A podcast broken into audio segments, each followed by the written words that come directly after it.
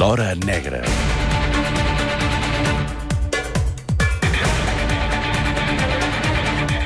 Arriba l'hora fosca, l'hora negra, al suplement de Catalunya Ràdio amb la Maica Navarro, que avui ja la tenim aquí des de, des de fa una bona estona, perquè ha escoltat a Colau, eh, també ha escoltat a Josep Pol, avui una Maica Navarro que no porta talons. Vull Porta- sopar amb l'home que, o la dona que va fer aquesta sintonia. Vols sopar? Sí, per, per, per es, pot, es, pot demanar-li... buscar, molt fàcilment qui és, eh?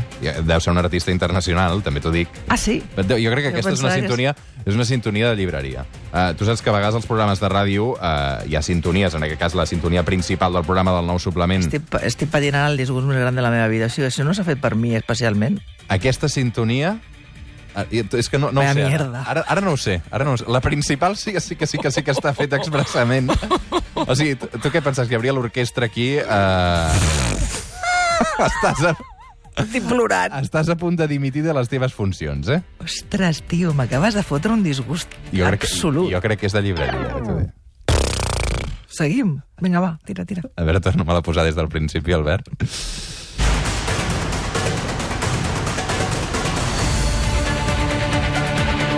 L'Hora Negra.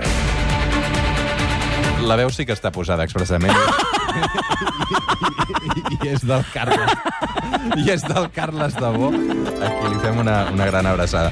Escolta'm, estem molt riallers, eh, Maica, però avui Vinga, anem a, a una història molt fosca. Eh, la història, en aquest cas, ens porta fins al febrer d'aquest 2018 Hmm. i arrenca d'aquesta manera. El trayecto es de unos 100 metros. Pero que yo creo que mi hijo no está aquí, mi hijo no se ha perdido, a mi hijo se lo ha llevado alguien. Ha pasado algún coche y, y lo en un coche. Solo le pido que a mi niño que sea fuerte, que aguante, que lo estamos buscando. Que aguante un poco. Aquest que sentim és Àngel Cruz, el pare del Gabriel Cruz, un nen que eh, segurament ho recordareu perquè en van parlar també molt als mitjans, va desaparèixer a finals del mes de febrer, va aparèixer mort al cap de, de 12 dies. Uh, Maica, qui era exactament Gabriel Cruz? Doncs Gabriel era, era un nen que la seva mare li, li deia el pescadito perquè s'havia criat a Almeria i perquè passava els estius i els caps de setmana a la casa de la iaia Carmen, a les Hortitxoles. Hortitxoles és un, és un poblet de quatre cases, molt desconegut fins la desaparició del Gabriel, on, que està enmig del Cabo de Gata i, i a més a més on, on bàsicament viu la, la gent d'Almeria i un periodista català que jo estimo molt, que és el Manel Vilacero del Periódico de Catalunya i que els seus fills eren molt i molt, molt amics de, del Gabriel. Jo conec, jo conec molt les Hortitxueles perquè, perquè també havia anat molt, molt a, a visitar a la família del Vilacero i el, i el Manel Vilacero al Periódico va fer una descripció preciosa del, del Gabriel quan encara es buscava, dient que era un nen molt sociable, molt rialler, molt innocent, i era una mica la- l'alegria la, d'aquelles quatre cases, que estimava moltíssim a la seva iaia Carmen, que estimava molt els nens de, del Manel, el Mateu i el Martín, i que, bé, les seus pares s'havien separat quan ell era petit, i el pare, l'Àngel, tenia una nova nòvia, una nova parella, l'Anna Julia Quezada, que no tenia una relació molt, molt bona amb el Gabriel. Ens hem de fixar molt en aquesta figura, eh? Ana Júlia, apunteu bé aquest nom. A veure, eh, 27 de febrer del 2018, a les Hortitxueles. Això és, en aquest cas, Cabo de Gata, Almeria. Què hi feia allà exactament el, el Gabriel? Els pares estaven separats, ell passava la, tota la setmana al col·le amb la, amb la mare, amb la Patrícia, i algun cap de setmana sí i un cap de setmana no estava amb el pare. El pare aquell cap de setmana treballava i aleshores se n'anava doncs, a les hortitxoles amb la iaia.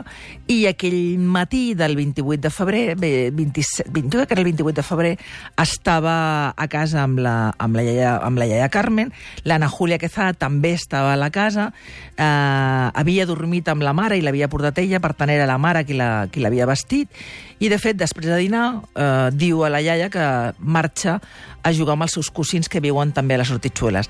De casa de la- l'àvia fins a la casa dels cosins són 100 metres, és un caminet de 100 metres, 100 metres caminant. Un caminet que ell havia fet sovint, molt sovint, i que, de fet, la- l'àvia va acompanyar amb la mirada fins quan el seu net doncs, girava per, i es perdia darrere d'un edifici. Però insisteixo, a més a més, les Hortitxueles era, és, un, és una pedania, són quatre cases, quatre cases literals, que no van, o sigui, cap cotxe, o sigui, la carretera passa per damunt, és a dir, no hi ha cap camí de cotxes que faci anar a les Hortitxueles. O sigui, qui entra amb cotxe amb les Hortitxueles, qui entra és perquè està allà. I qualsevol vehicle no conegut per les quatre persones, famílies que viuen allà, i a més són quatre famílies a tota la vida, perquè el ser parc natural no es pot edificar, per tant tot està molt controlat, era, bueno, és, bàsicament és molt fàcilment identificable. Per tant, de sobte, el, cap a les 6 de la tarda, la via s'estranya perquè el Gabriel no ha tornat a casa a l'hora de berenar, va a casa dels cosins, els cosins diuen que ell mai ha estat allà, i comença l'angústia, l'angoixa i la recerca. Es denuncia aquesta desaparició davant de la Guàrdia Civil. Els dies passen, no es troben pistes d'on pot haver anat en Gabriel. En aquell moment es posa en marxa fins i tot una campanya de suport a la família. Es demana a la gent que pengi imatges. I escoltem una entrevista, atenció, a Ràdio Galega el 2 de març i parla, per exemple, aquesta persona tan important, Ana Julia Quezada, la nòvia del pare. Estamos destrozados, ya no sabemos qué hacer, nos estamos volviendo locos, a ver si la persona que lo tiene o donde esté, si lo ven, que nos llamen, que solo queremos recuperar a nuestro niño, que vuelva a casa, que es un niño muy bueno, muy obediente, muy guapo, y solo queremos recuperar a Gabrielillo. Por favor, si alguien le ve, que nos diga algo. Clar, aquí la veiem molt afectada, però Aquí l'escoltem molt afectada i després i, i tots els que vam estar a les Hortitxueles eh, cobrint eh, la informació de, de la recerca, que tot el país va estar, o sigui, tota Espanya va estar absolutament allò pendent dia a dia, la vam veure amb ella amb la samarreta, amb la fotografia del Gabriel, recolzant con, constantment i a tot moment a, a la seva parella, el pare del, del Gabriel, l'Àngel, molt al costat també de la Patrícia, de la, de la mare del, del Gabriel, i el més sorprenent de tot això és que la Guàrdia Civil de seguida mobilitza la UCO, la Unitat Central Operativa. Recordem que la UCO ja havia agafat molta, molta, molta potència informativa i mediàtica arran de la investigació de la, de la Diana Kerr i els investigadors de la UCO de seguida veuen que per entrar, el que et deia abans, eh, Roger, que era molt important, o sigui, a les Hortitxueles són quatre cases i si algú entra allà és perquè vol a buscar una cosa molt concreta. La primera investigació va ser qui eren els enemics, qui podia, qui podia tenir enemics, el pare o la mare. Es va saber que la Patrícia, la mare del Gabriel, havia tingut uns episodis d'assetjament d'un veí d'Almeria de, d'Almeria i que, a més a més, tenia una ordre de, de, de, de, de distanciament, una, una ordre d'allunyament dictada per un jutge per aquests episodis d'hostigament i que justament a les hores de la desaparició del Gabriel la pulsera telemàtica que tenia aquest individu havia estat desconnectada. Van ser unes quantes hores on totes les sospites es van centrar en aquest individu fins que al final la Guàrdia Civil va poder eh, confirmar contra rellotge que ell tenia una coartada i es va confirmar que no estava a les.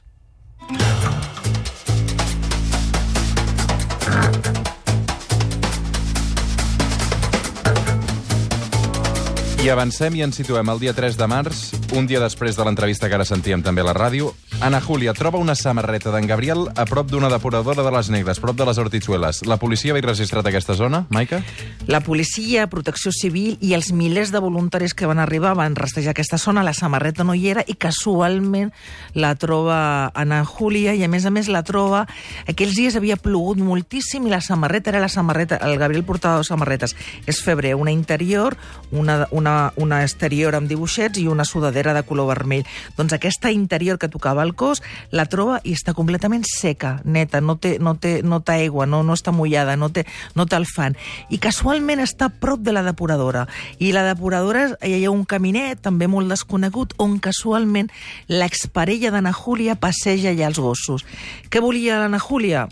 Reconduir els investigadors cap a la seva exparella, de la que va arribar fins i tot a explicar als guàrdies civils en alguna entrevista que odiava els nens i que era capaç de qualsevol cosa. Però Ana Júlia es converteix en la principal sospitosa.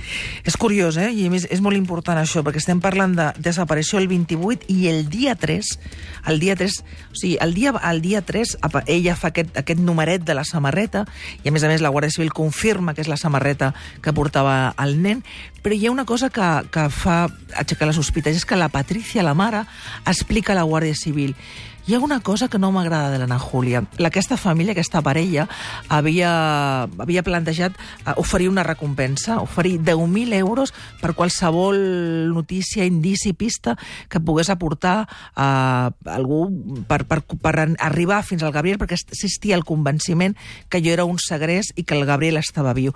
I, de fet, la Guàrdia Civil també treballava amb aquesta hipòtesi. I l'Anna Júlia havia parlat amb el, amb el Gabriel, amb l'Àngel, amb la seva parella, de pujar, incrementar aquesta quantitat fins a 30.000 euros. Però la Guàrdia Civil li diu a, a, als pares, escolteu, no pugeu la quantitat, perquè si oferiu 30.000 euros mm -hmm. de recompensa, hi haurà molt soroll, hi haurà moltes trucades que distorsionaran molt la investigació. Si voleu recompensa, que no l'aconsellem, deixem un 10.000. I l'actitud d'ella, quan no, no, no es puja la xifra 30.000, a la Patricia li fa sospitar i, i parla amb la Guàrdia i diu, escolta'm, aquesta actitud no m'ha agradat. Això, amb la samarreta, amb el fet de que no tinguessin els pares cap enemic, va centrar totes les mirades a l'Anna Júlia. I des d'aquell moment la Guàrdia Civil demana a la jutgessa de la Vera, escolteu, aquesta dona sospitosa, creiem que, el, que té un còmplice, que el nen està viu, i fan una cosa mmm, que no tenia, només havia tenit, tingut un precedent, que era, uh, o pocs precedents, i un d'ells és, és uh, el Susqueda amb el cotxe de, del, del principal sospitós de, de l'assassinat del Mar i la Paula al Pantà, que és omplir els tres cotxes de la, que feia servir l'Anna Júlia amb micròfons, la casa de la Júlia i tot ple de micròfons.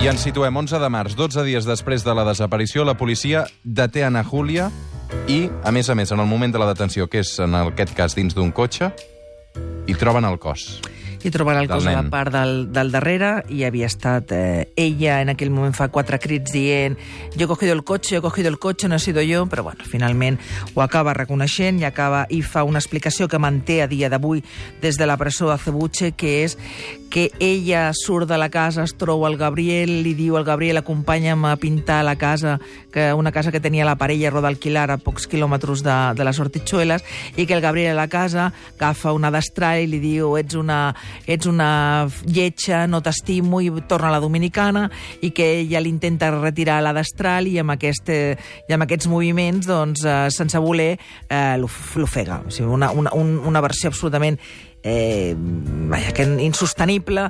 I a més a més a partir d'aquí doncs, eh, fins i tot amb aquests micròfons que, Aquesta destral no ha aparegut, entenc. el, la destral, sí, la destral Sí, va va aparèixer a la casa, aquesta casa va aparèixer també, eh, i de fet la Guàrdia Civil com ja l'estava seguint, i hi ha unes imatges al sumari que s'ha fet públic aquesta setmana, que és ella de Santa, aixecant uns, uns plafons de fusta al costat de la piscina de la casa, eh, desenterrant i traient allà una, un, un bulto que, que els guàrdies civils des de lluny creuen veure que per dimensions que pot ser el cos del nen i finalment doncs, l'escolten en, directe, com en el cotxe ja està conduint, comença a insultar i dir, i dir coses que és com, més o menys com no volien un peix, doncs tindran un peix. O, o crida, ella mateixa fa un soliloqui dient i ara què faig amb tu, i ara on et porto? Bueno, ella en aquell moment volia canviar de lloc al, al cos i bé, l'agafen amb el cadàver del petit i, i ara també, important també perquè ella quan arriba a Espanya en el seu moment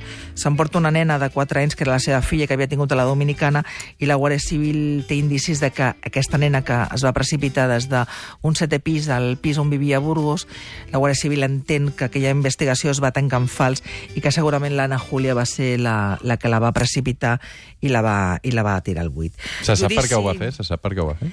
Lo del Gabriel, perquè li molestava, tenia gelos, li molestava, el, el pare, l'Àngel, estava molt, molt involucrat, tenia una relació molt especial amb el seu fill, i tot allò que... Tota, ella tenia gelos, no tenia una bona relació amb el Gabriel, i la, li molestava, senzillament li molesta. La Guàrdia Civil creu que no va ser, que no va ser mm, premeditat, organitzat i que va actuar allò per impuls i va decidir matar-lo i així. I no era la primera vegada. Aquesta setmana, eh, Maica, estarem molt pendents del cas Nàdia. Tenim, arranca judici... Recordem aquells pares estafadors amb una filla que feien veure que re recaptaven diners, sí, no estafes, no? És una, és un, és una, estan acusats tots dos d'estafa, una estafa d'un milió d'euros. Durant set anys van recollir diners de gent que va, va donar diners a la causa de la Nàdia, que és veritat que té una malaltia rara, però que no tenia les conseqüències que asseguraven els pares. Judici a l'Audiència de Lleida, comença dimarts i serà molt interessant. Uh -huh. uh, Maica, estem pendents del que passi en aquest cas en aquestes mobilitzacions. De seguida hi vas tu, nosaltres també anem en directe. Quina és l'última hora?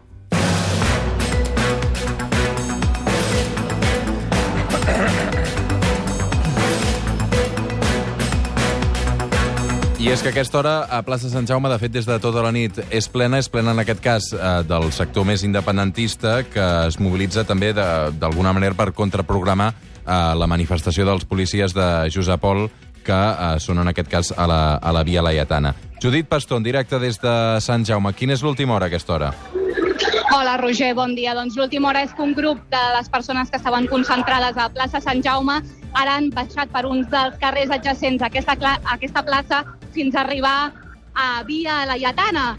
Criden crits com visca, visca, visca, visca Terra Lliure, el nostre conseller és a la presó o independència. Totes aquestes persones estan aquí eh, aglutinades eh, en aquest eh, encreuament entre Via Laietana i aquest carrer de la llibreteria hi ha forta presència policial, fins i tot veiem bengales de colors, banderes antifeixistes, lemes antifeixistes, intuïm que és per intentar bloquejar els manifestants a l'altra manifestació, el que vol homenatjar els policies de l'1 d'octubre.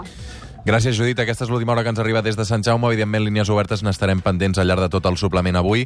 Maica Navarro, moltes gràcies. Vas cap allà, eh? Vaig cap allà, dos coses molt breus. Una, tu me t'havies compromès avui a portar-me una ampolla de vi rosat de la setmana passada i no està. Dos, i jo, de fet, eh, fatal. pensava que tindria espera, la meva, espera, espera. No, un moment. la meva Teni- ampolla una, de vi. Tenim una ampolla de vi dalt a la redacció. No, no, no, no, no, no, no, el ja la podem baixar ara mateix. No, no, no, Sisplau. però no és el mateix, perquè a més jo volia ensenyar una cosa que em va... Precisament la de Colau, eh, la medalla de plata de la Guàrdia Urbana. Moltes fel... Honor al mèrit.